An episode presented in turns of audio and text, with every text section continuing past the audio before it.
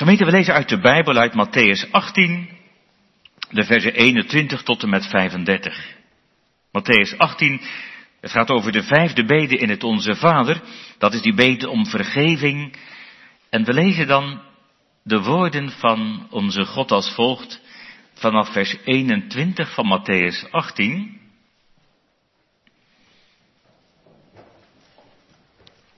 Matthäus 18, vers 21. Toen kwam Petrus naar hem toe, naar Jezus, en zei, Heere, hoeveel keer zal mijn broeder tegen me zondigen en ik hem vergeven? Tot zevenmaal toe?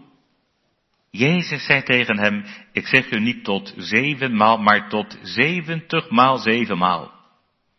Daarom kan het koninkrijk der hemelen vergeleken worden met een zekere koning die afrekening wilde houden met zijn slaven. Toen hij begon af te rekenen, werd er iemand bij hem gebracht die hem tienduizend talenten schuldig was. En toen hij niet kon betalen, gaf zijn heer opdracht dat men hem zou verkopen. En zijn vrouw en kinderen en alles wat hij had. En dat de schuld betaald moest worden. De slaaf dan knielde voor hem neer en zei, Heer, heb geduld met mij en ik zal u alles betalen. En de heer van deze slaaf was innerlijk met ontferming bewogen, liet hem gaan en schold hem de schuld vrij. Maar deze slaaf ging naar buiten en trof een van zijn medeslaven aan die hem honderd penningen schuldig was.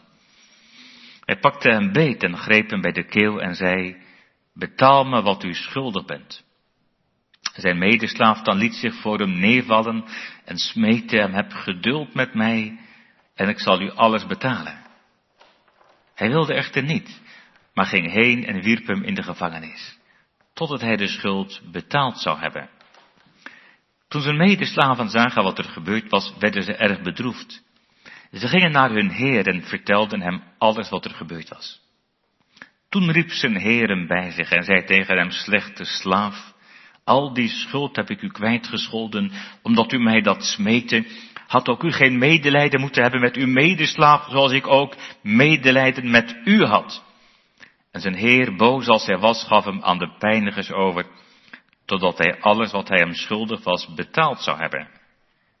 Zo zal ook mijn hemelse vader met u doen, als niet in ieder van u van harte de misdaden van zijn broeder vergeeft. Ja, misschien even, ik zat nou zo te denken, gaat het over een slaaf. Ik gebruikte thuis in de studeerkamer een nieuwere versie van de herziene statenvertaling. Daar hebben ze dat gelukkig veranderd in knecht. Wat ook in de oude statenvertaling staat. En dat is ook echt beter. Het gaat hier niet zomaar over slaven. Het gaat hier over knechten. Dienaren die ook echt een hele hoge positie hadden. Dat merk je ook wel uit dit verband.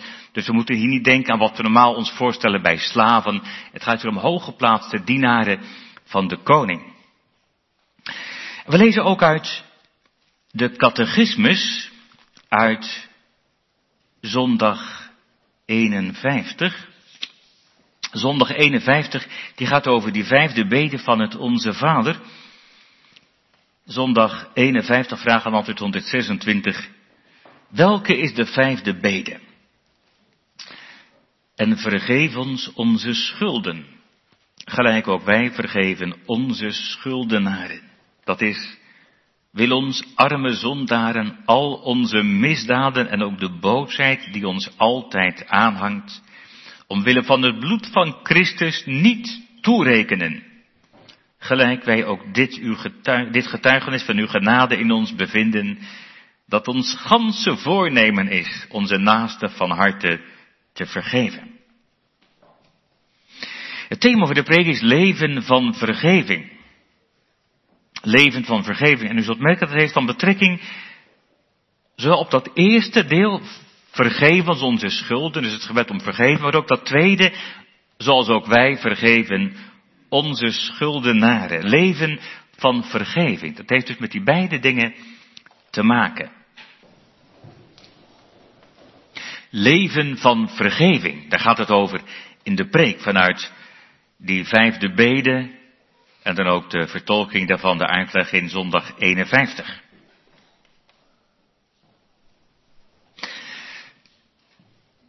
Gemeente, het zijn op zich bekende klanken. Bekende klanken die zo bekend kunnen worden dat je er nauwelijks meer over nadenkt. Hoe vaak hebt u het al gezegd? En jullie, hoe vaak heb je het al gebeden? En vergeef ons onze schulden,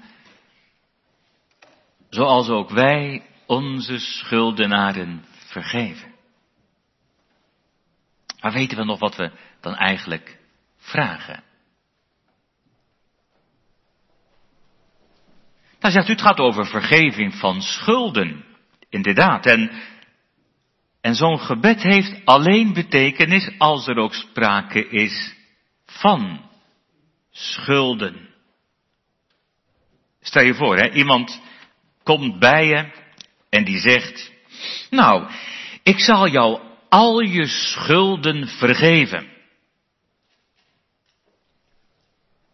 Ik wil je alles vergeven. Maar als je je van geen kwaad bewust bent. En, je denkt, nou ik weet één ding zeker, dat ik bij die man of bij die vrouw geen schulden heb. Ja, dan word je niet vrolijk van zulke woorden. Dan denk je, of die is niet wijs, of, of hij wil me wat aanpraten, maar dan voel je je onterecht beschuldigd. Zelfs als iemand zegt, ik zal het je allemaal vergeven. Alsof je schulden hebt, terwijl je onschuldig bent.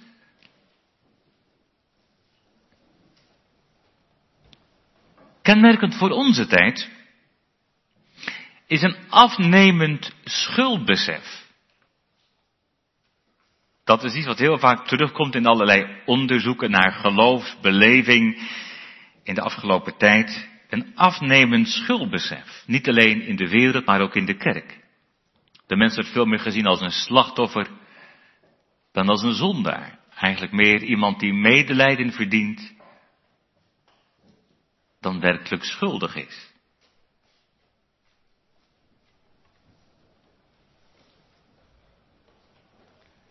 Maar daarmee is onze schuld niet minder geworden. Is dat niet het grootste probleem van deze tijd? Of moeten we zeggen het grootste probleem van ons, mensen? Dat wij niet beseffen hoe diep wij in de schuld staan bij God. Die bede van het Onze Vader, die bede die Jezus ons leert, is bepaald niet uit de tijd. En met deze bede herinnert Jezus ons aan onze schuld van u en van jou en van mij. Vergeef ons onze schulden. Of in de versie van Lucas, vergeef ons onze zonden. Hier in de catechismus gaat het ook over onze misdaden. Daar denken we aan criminelen. Nou, dat is misschien nog niet zo verkeerd om daar eens aan te denken. Dat wij in onszelf geen haar beter zijn dan echte criminelen. Ook al leven we netjes en komen we in de kerk. Misdaden, zondige daden, wat we verkeerd doen. Maar ook staat er onze boosheid. Ja, dat betekent niet dat we driftig worden. Ja, een klein beetje wel misschien, maar die boosheid, dat betekent gewoon onze zondigheid. Dat is ook weer een ouderwets woord. Dat betekent onze zondigheid. Dus niet alleen boos worden tegenover iemand, maar echt, echt onze zondigheid. Dat, dat we zeggen niet alleen dat we zondige dingen doen, maar ook dat ons hart zondig is.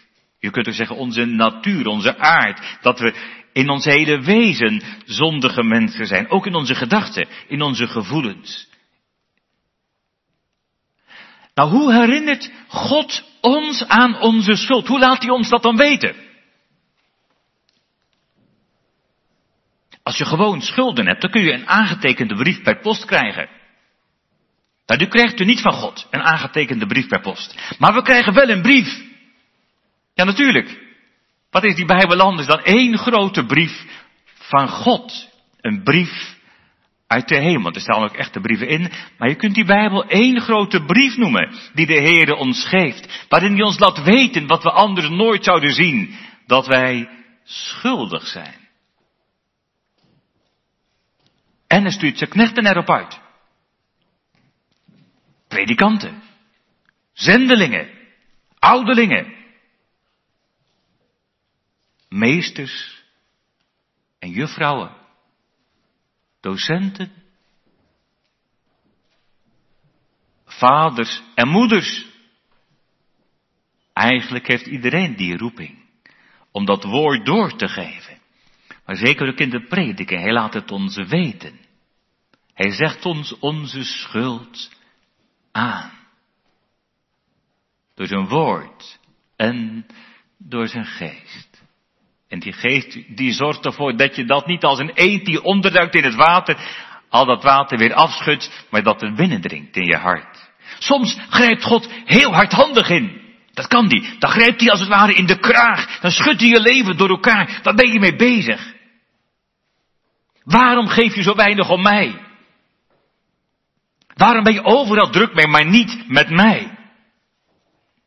Op allerlei manieren confronteert de Heer ons met onze schuld. En toch met alles wat we daarvan zeggen, misschien is het belangrijkste wel dat Hij dat laat zien in Zijn Zoon. Hij die naar deze wereld kwam. Het is kerstfeest geworden. En waarom is het kerstfeest geworden? Waarom kwam Jezus naar deze aarde? Om naar het kruis te gaan. En jongens en meisjes, jullie weten wel, waarom was dat nodig, dat kruis? Ja, dat was niet nodig voor Jezus zelf, toch? Wat, wat heeft hij nou verkeerd gedaan? Helemaal niks. Dat was nodig voor jou en voor u en voor mij. Dat was nodig niet voor goede mensen, maar voor zondige mensen. Dat was niet nodig voor de engelen van God. Dat was nodig voor zonen en dochters van Adam. En dan zie ik hem in gedachten aan dat kruis hangen. En dat is niet zijn verdiende loon, maar mijn verdiende loon aan dat kruis. Mijn schulden bij God zijn zo groot. Dat ik dat kruis verdien. Dat kruis laat me zien dat God die schulden van mij serieus neemt. Dat hij niet zegt, nou maakt allemaal niet uit, dan vergeef ik wel eventjes. Nee, helemaal niet. God neemt die schulden serieus. Dat kruis laat me zien dat ik de buitenste duisternis verdien. Dat ik die Godverlatenheid, dat is de hel ten diepste, dat ik dat verdien. Zeggen, dat vind ik een beetje overdreven. Dat je zegt, dat vind ik veel te negatief. Dat is niet zo vreemd hoor, als je dat veel te negatief vindt. Dan zegt de Bijbel heel eerlijk, uit onszelf, daar zijn we de steken blind voor.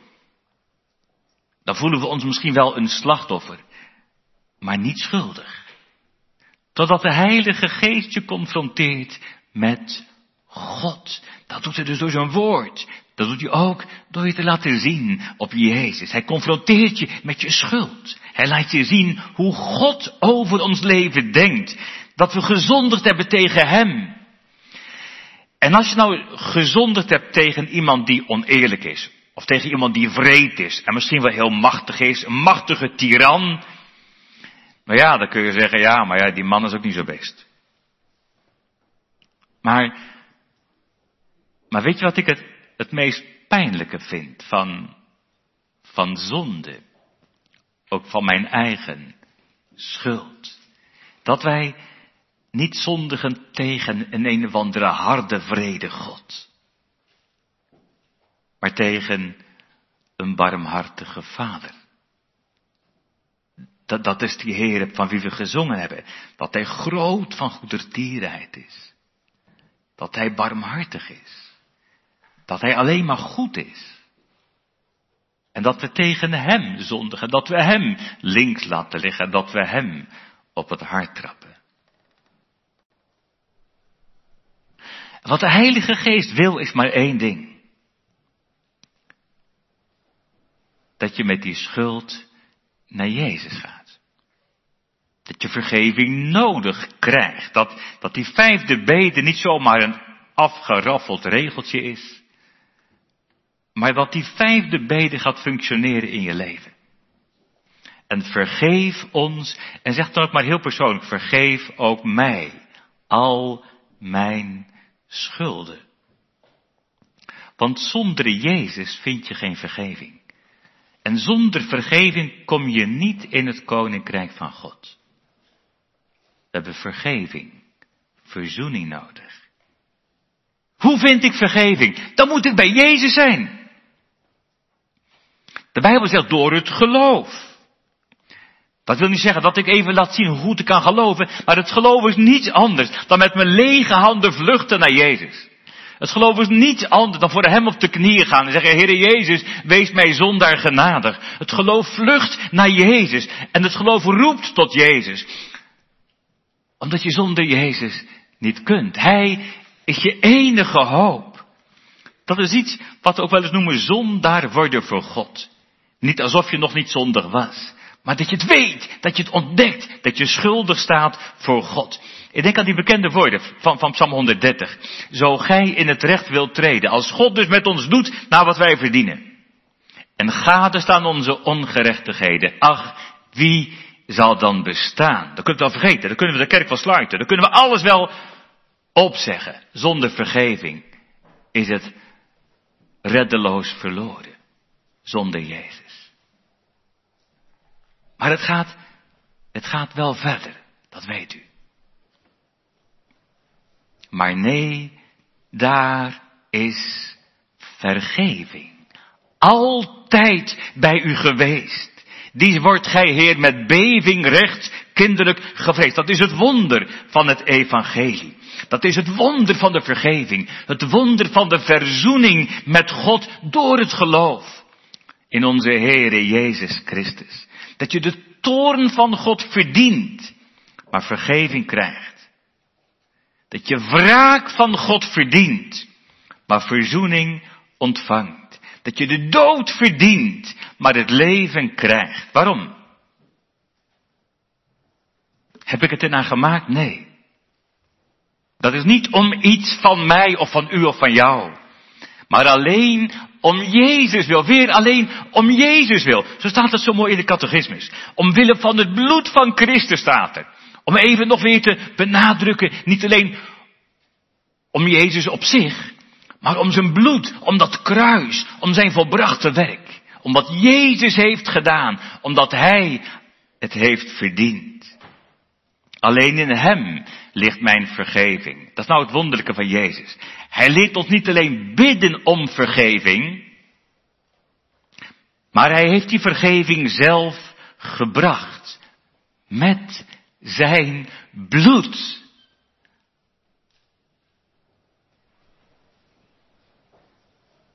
Als ik voor mezelf spreek, dan merk ik ook dat juist dat overdenken van zijn bloed, van zijn kruis, dat het ook helpt om steeds meer de zonde te haten in mijn eigen hart. Niet alleen omdat ik hoor dat het verkeerd is, maar als ik zie wat de Jezus heeft gedaan. Wat het hem heeft gekost. Dat, dat helpt je om je te verootmoedigen voor God. Iedere keer weer. En tegelijk ligt daarin de diepste vreugde. In dat bloed van Christus, in dat kruis. Dat is die vreugde van het geloof. Ik denk aan Romeinen 8. Dus is er nu geen verdoemenis, geen veroordeling, geen wraak. Voor wie? Voor hen die in Christus Jezus zijn. Die, die als het ware schuilen bij Hem. Die niet naar het vlees wandelen, maar naar de geest staat er dan verzoend met God. Door het geloof. Door als het ware te schuilen onder zijn vleugels bij Jezus. Dan zeggen, dan is het toch goed? Dan is het toch goed? Inderdaad. Inderdaad. Dan is het goed. Dan is het altijd goed. Dan kan het niet meer beter, eigenlijk. En, en toch, ja zeg je, dan, dan heb je toch ook geen vergeving meer nodig. Dan heb je geen vergeving meer nodig. Dacht u dat? Dacht u dat echt?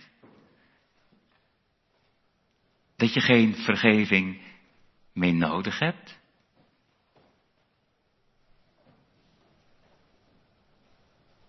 Ik heb het mensen wel eens horen zeggen. Ja, je, hebt toch geen vergeving meer nodig als je gelooft? Dan ben je toch verzoend met God? Ik heb mensen wel eens horen beweren dat ze zelfs niet meer zondigen. Die zeggen ronduit, ja, ik, ik zondig niet meer. Dus, dus waarom heb ik vergeving nodig? Er zijn ook mensen die wel erkennen dat ze wel blijven zondigen. Maar zeggen, ja, maar die vergeving heb ik al gekregen, die heb ik niet meer nodig. Want God heeft me alles vergeven. En, en logisch lijkt dat precies te kloppen, toch? Logisch lijkt dat te kloppen. Maar als we zo redeneren, dan kunnen we het onze vader wel schrappen.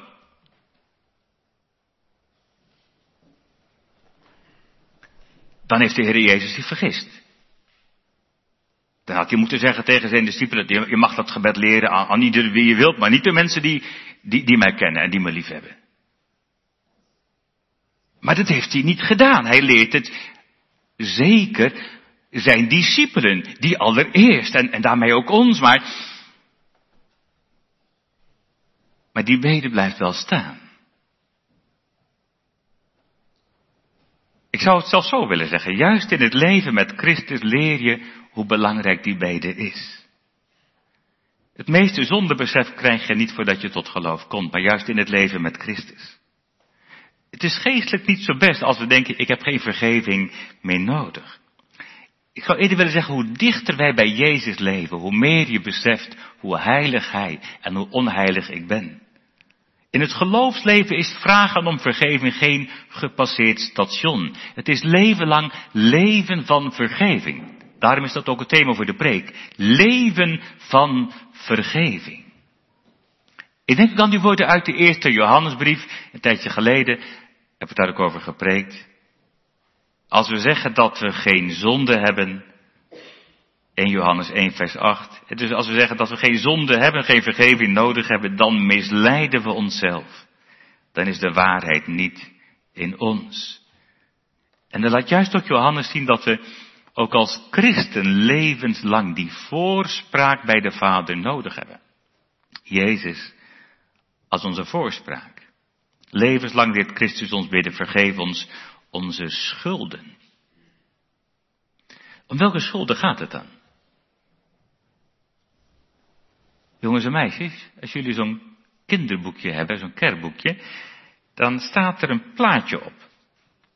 Ja, twee plaatjes. Eentje met zeep om je handen te wassen en dan voel je, voilà, ja, daarmee krijg je je schuld voor God niet weg met alle zeep van de wereld. Dan heb je Jezus nodig. Maar het andere plaatje, daar staat iets wat iemand in de hand heeft en er staan allemaal woorden op. Stelen en gokken en doodslaan en roddelen, echtbreuk, overspel, liegen, hebzucht.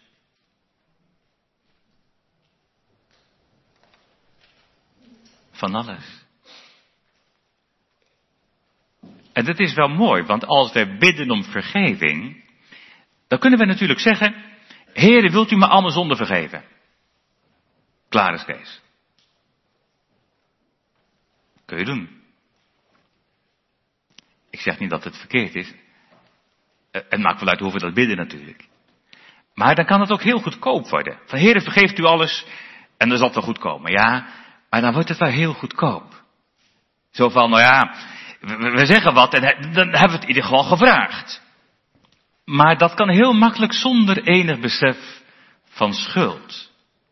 En, en daarom is het een goede oefening om te proberen wat op dat plaatje staat. Om die zonden ook concreet te benoemen. Ook elke dag. Dat we erover nadenken. Wat heb ik eigenlijk verkeerd gedaan?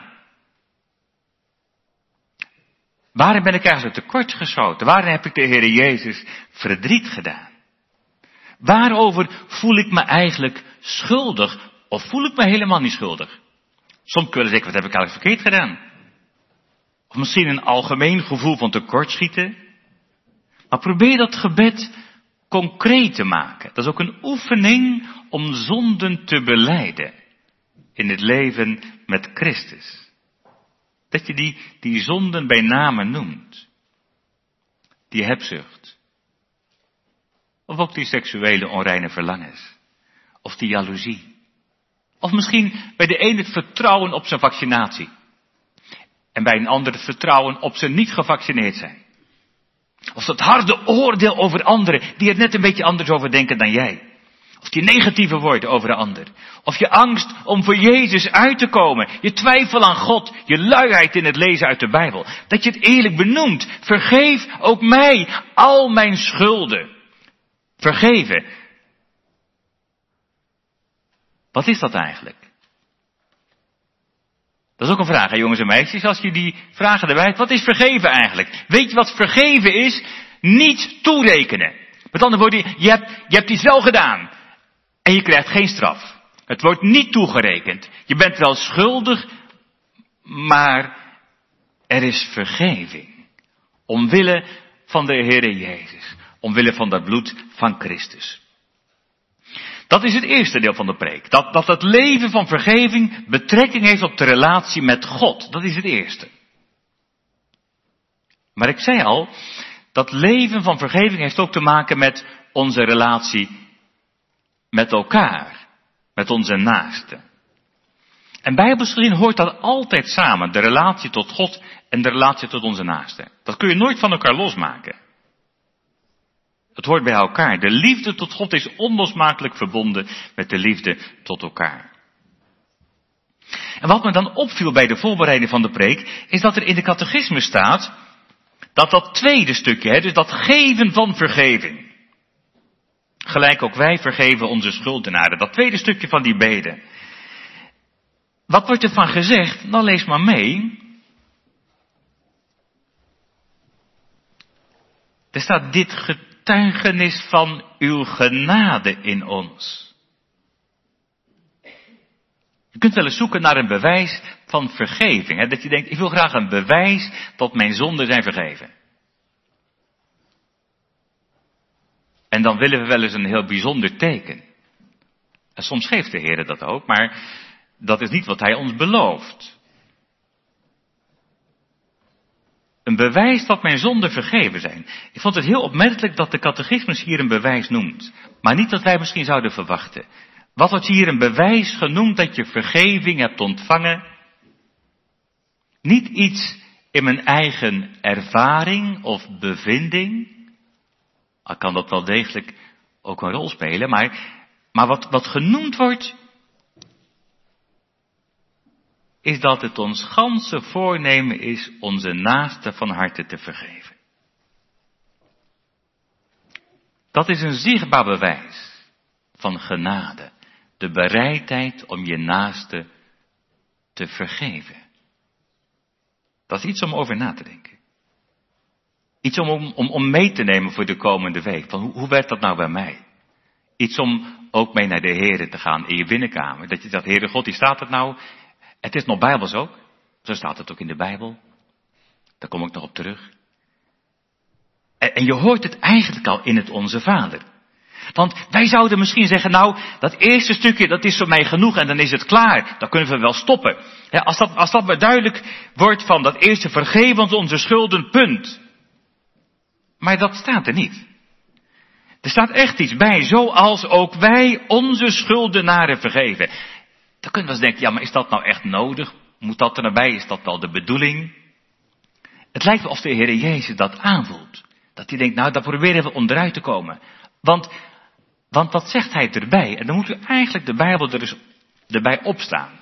In Matthäus, nog niet vers, nog niet achter, maar in Matthäus 6, waar het Onze Vader ook staat, dan zie je eerst het Onze Vader staan in Matthäus 6, en dan in vers 12 staat ook die bede, vergeef ons onze schulden.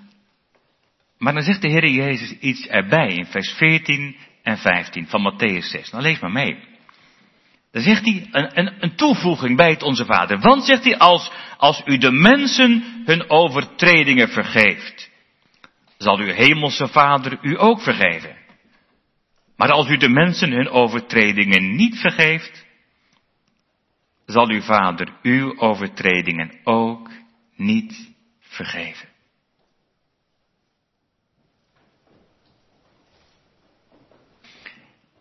Dit is de enige bede waar een toevoeging bij staat. Blijkbaar was dat nodig. Blijkbaar is het ook voor ons nodig. Dat we dat ook werkelijk ter harte nemen. Dat dat er echt onlosmakelijk bij hoort.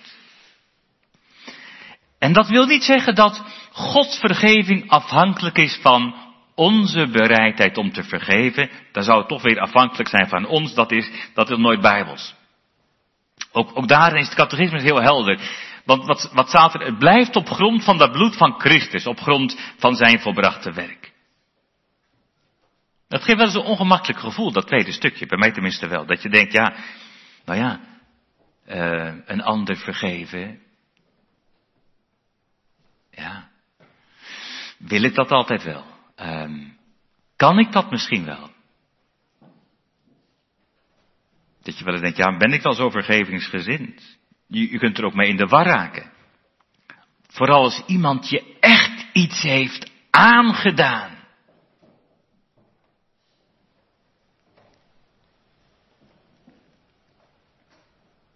Dan laat ik eerst, eerst duidelijk maken dat het gaat om een grondhouding. Indirect verwijst de Heer Jezus daar ook naar in wat we lazen uit Matthäus 18 over dat 70 maal 7 vergeven. We komen in de Bijbel nog een keer 70 maal 7 tegen. En dan gaat het niet over vergeven, maar over wreken. Lamech, misschien kent u wel. Maar Lamech in, in het Oude Testament, in Genesis 4. Die Lamech die zegt dat hij weigert om vergeving te geven. Lamech die zegt dat hij het een ander betaald zal zetten. Ik laat niet over me lopen, zegt Lamech. En Lamech geniet ervan wraak te nemen. En Lamech is trots dat hij niet vergeeft. Maar 70 maal 7 wreekt. Genesis 4. En tegenover die Lamech zie ik de Heer Jezus. Die kwam niet om wraak te nemen, maar om vergeving en verzoening te brengen. Om de relatie tussen God en ons te herstellen. En Jezus leert ons vergeven. En we lazen dat in Matthäus 18. Ik zeg u niet tot zevenmaal, maar zeventig maal zevenmaal. In een contrast met die Lamech. En als je denkt aan Lamech en aan Jezus. Nou, bij wie wil je dan horen? Dat je horen bij die Lamech die zegt, ik laat niet over me lopen. 70 maal 7 zal ik wreken. Of wil je horen bij Jezus? Die liet zich kruisigen. 70 maal 7 vergeven. Bij wie wil je horen? Bij Jezus of bij Lamech? Maar laten we eerlijk zijn, van nature lijken we meer op Lamech. Daar hoeven wij geen moeite mee te doen. Maar waar wordt Gods genade zichtbaar? Dat weer die catechismus. Waar wordt dat zichtbaar? Precies wat hier staat in dat geven van vergeving. En dan vertelt de Heer Jezus die gelijkenis in Matthäus 18. Het is ook een beetje de klassieke gelijkenis bij deze bede.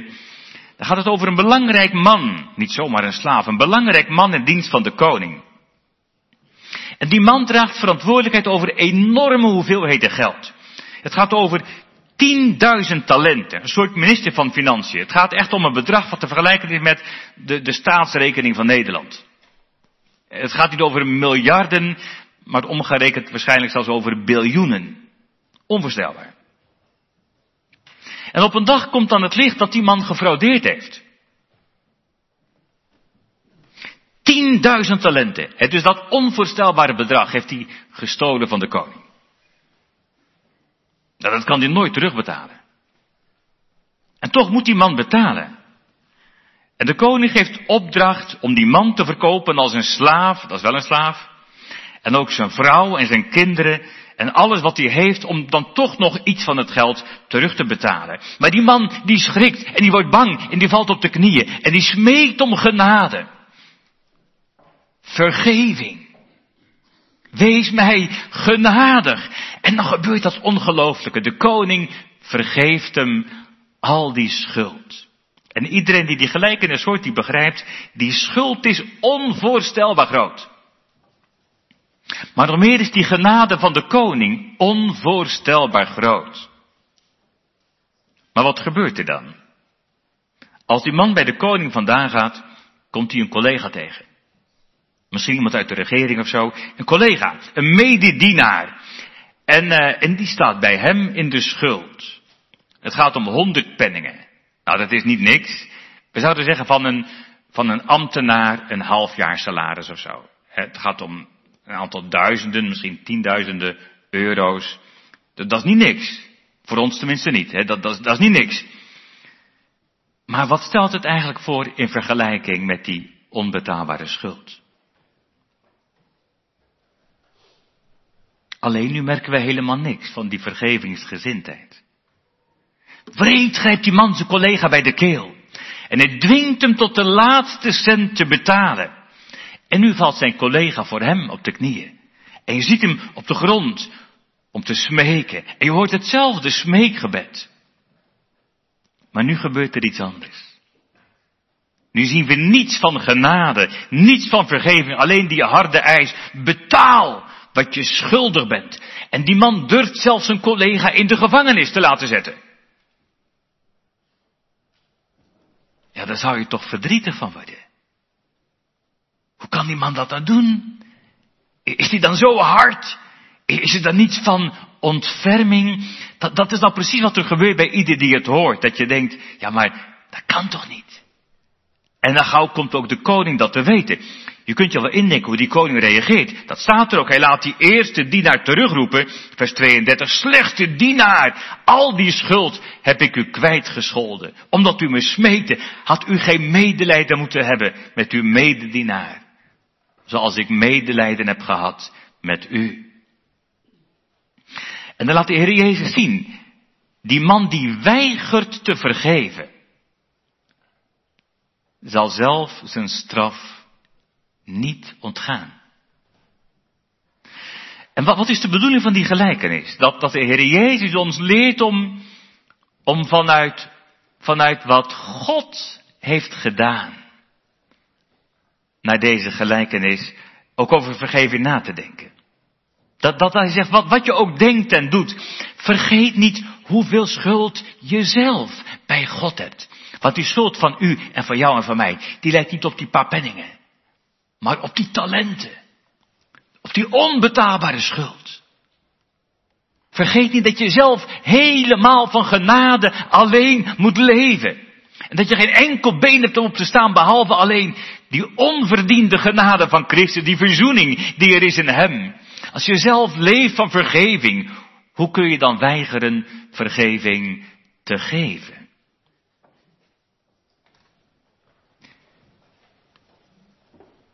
Daar wil ik iets dieper op ingaan, omdat er ook wel heel wat, heel wat vragen bij, bij, bij leven. Wat is dat eigenlijk, iemand vergeving geven? Het kan natuurlijk ook heel goedkoop klinken, zo van ja, je moet het maar vergeven. Je zult maar te maken hebben met onrecht. Met iemand die je bedrogen heeft. Met iemand die je leven geruineerd heeft. Met iemand die je kwaad heeft gedaan. Met iemand die, die, die soms zoveel kapot heeft gemaakt in je leven. Vergeving geven betekent niet dat je doet alsof er niks gebeurd is. Zo van naar zand erover. Nee, dat is echt niet bijbels. En vergeving geven betekent nog veel minder dat je doet alsof het allemaal niet zo erg is. Zo van, ja, maar ja, als je echt een christen bent, dan, dan doe je daar niet moeilijk over. Dan kun je dat wel vergeven. Nee, want als iemand je kwaad doet, dan is dat echt erg, ook bijbels gezien. De Bijbel doet er nooit bagatelliserend over. Vergeving geven betekent ook niet dat we doen alsof we geen gevoelens hebben van teleurstelling. En soms ook van verontwaardiging.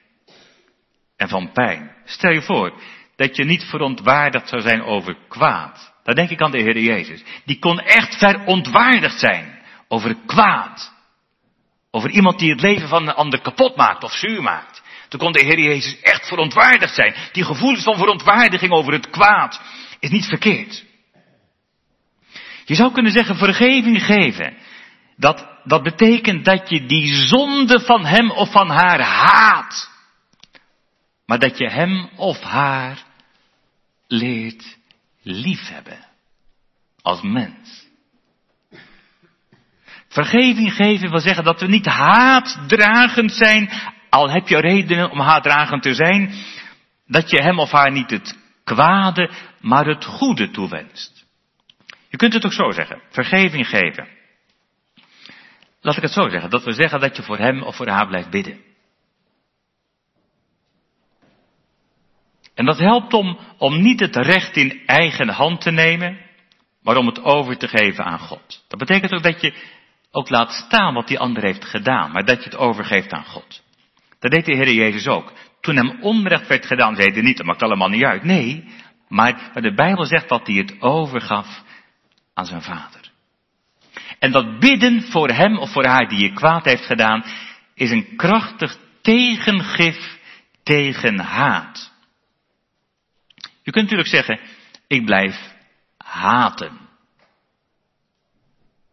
Maar haat verwoest ook je eigen leven. Als ik blijf haten, dan verschrompelt mijn eigen leven. Haat maakt ook mijzelf kapot. Haat maakt geen mens gelukkig. Het maakt je bitter. En verbitterd. Verschrompeld. Maar bidden voor je vijanden is tegengif tegen haat. Ja, wat moet ik dan bidden voor die ander? Dan misschien allereerst dat hij inziet wat hij gedaan heeft.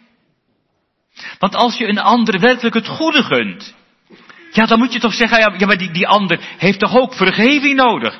Maar dat betekent toch ook dat hij vergeving zal zoeken, dat hij schuld zal erkennen. Daar begonnen we mee.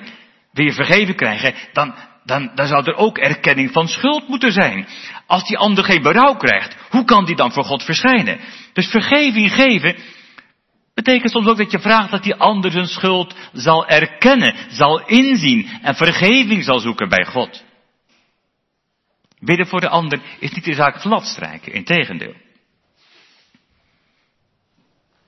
Vergeving geven betekent dus niet af en toe nergens moeilijk over. Ik denk ook aan, aan Zacchaeus. Zacchaeus die tollenaar. Die had natuurlijk heel wat mensen bestolen. Dat kon hij vanuit zijn machtspositie. Liet hij ze te veel betalen, dan bedroog hij ze eigenlijk. En je kon er niet onderuit, want ja, je had wel met hem te maken, met die uh, tollenaar. Maar als Zacchaeus vergeving krijgt, dan zegt hij niet, nou laten we er maar niet moeilijk over doen, ik heb toch vergeving, het is allemaal klaar. Nee, hij probeert er niet mooi makkelijk vanaf te komen. Dan wil hij goed maken wat hij bedorven heeft. Dan wil hij de mensen die hij afgeperst heeft ruimhartig terugbetalen. Meer dan nodig. Hij wil het terugbetalen. En hij wil de armen geven. En, en in zijn daden laat hij zien dat hij dankbaar is voor die gekregen vergeving. Dus vergeving, dat wil niet zeggen dat we voorbij gaan aan het recht. Ook recht doen aan de slachtoffers. Ik las van de week een ander voorbeeld. Ik vond het heel mooi passen bij deze thematiek. Dat was iemand die had grote hoeveelheden geld gestolen bij opwekking. En dat was, dat, dat was iemand uit eigen kring, die dief. Die had dat geld ontvreemd en op een gegeven moment kwamen ze op het spoor, hebben ze ontdekt dat die, dat, dat die man zoveel gestolen had. Dat deed hij heel slim. Hij heel wat geld in de loop van de tijd van collectors had gestolen. Nou, dan, wat moet je dan doen? Het betekent vergeving dan van, nou ja, we, we praten een keer met elkaar onder vier ogen en, en dan is alles voorbij.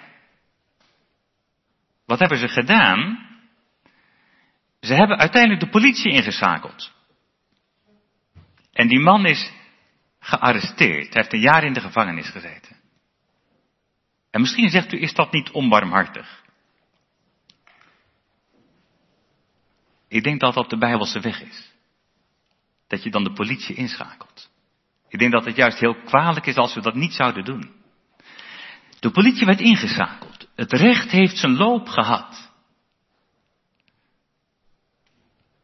Want je kunt je ook afvragen, ja, je kunt het in, in, in de doofpot stoppen, maar is dat recht? Is dat wat God wil? Is dat vergeving? Is dat de Bijbelse vergeving?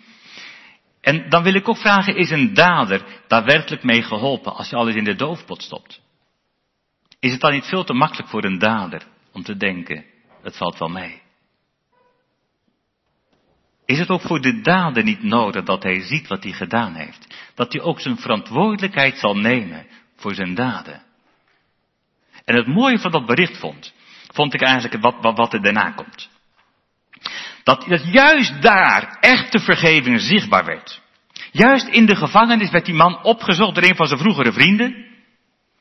En in de gevangenis kwam die man tot berouw. En dat werd zichtbaar toen hij vrij kwam, want wat gebeurde er? Toen gingen ze samen weer een keer wandelen. Ook iets van het zichtbare dat er toch vergeving was. Want ze hadden kunnen zeggen, ik wil met jou nooit meer op pad.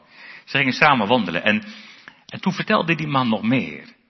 Dat er nog meer geld was. wat hij nog niet had teruggegeven. En, en waar dat lag. En toen heeft hij pas het laatste geld teruggegeven. En, en, en toen hij alles had opgewicht, vond hij pas echt vrede met God. In dat verband vond ik bij John Piper in de preek over deze thematiek iets, iets moois uit Psalm 99, we gaan dat straks ook zingen.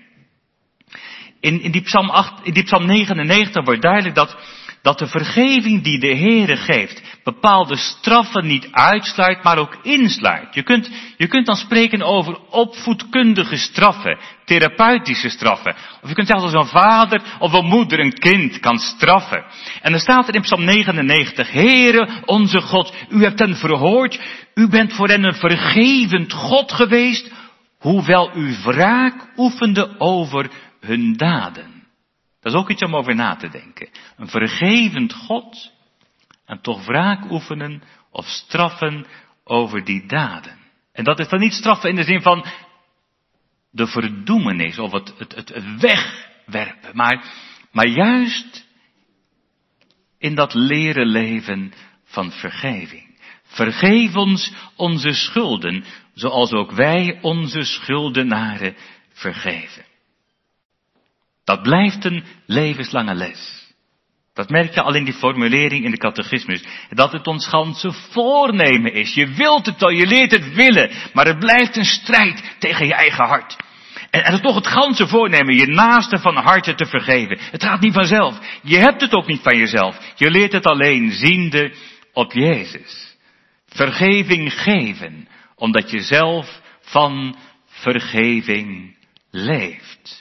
Alleen om Jezus wil. Amen.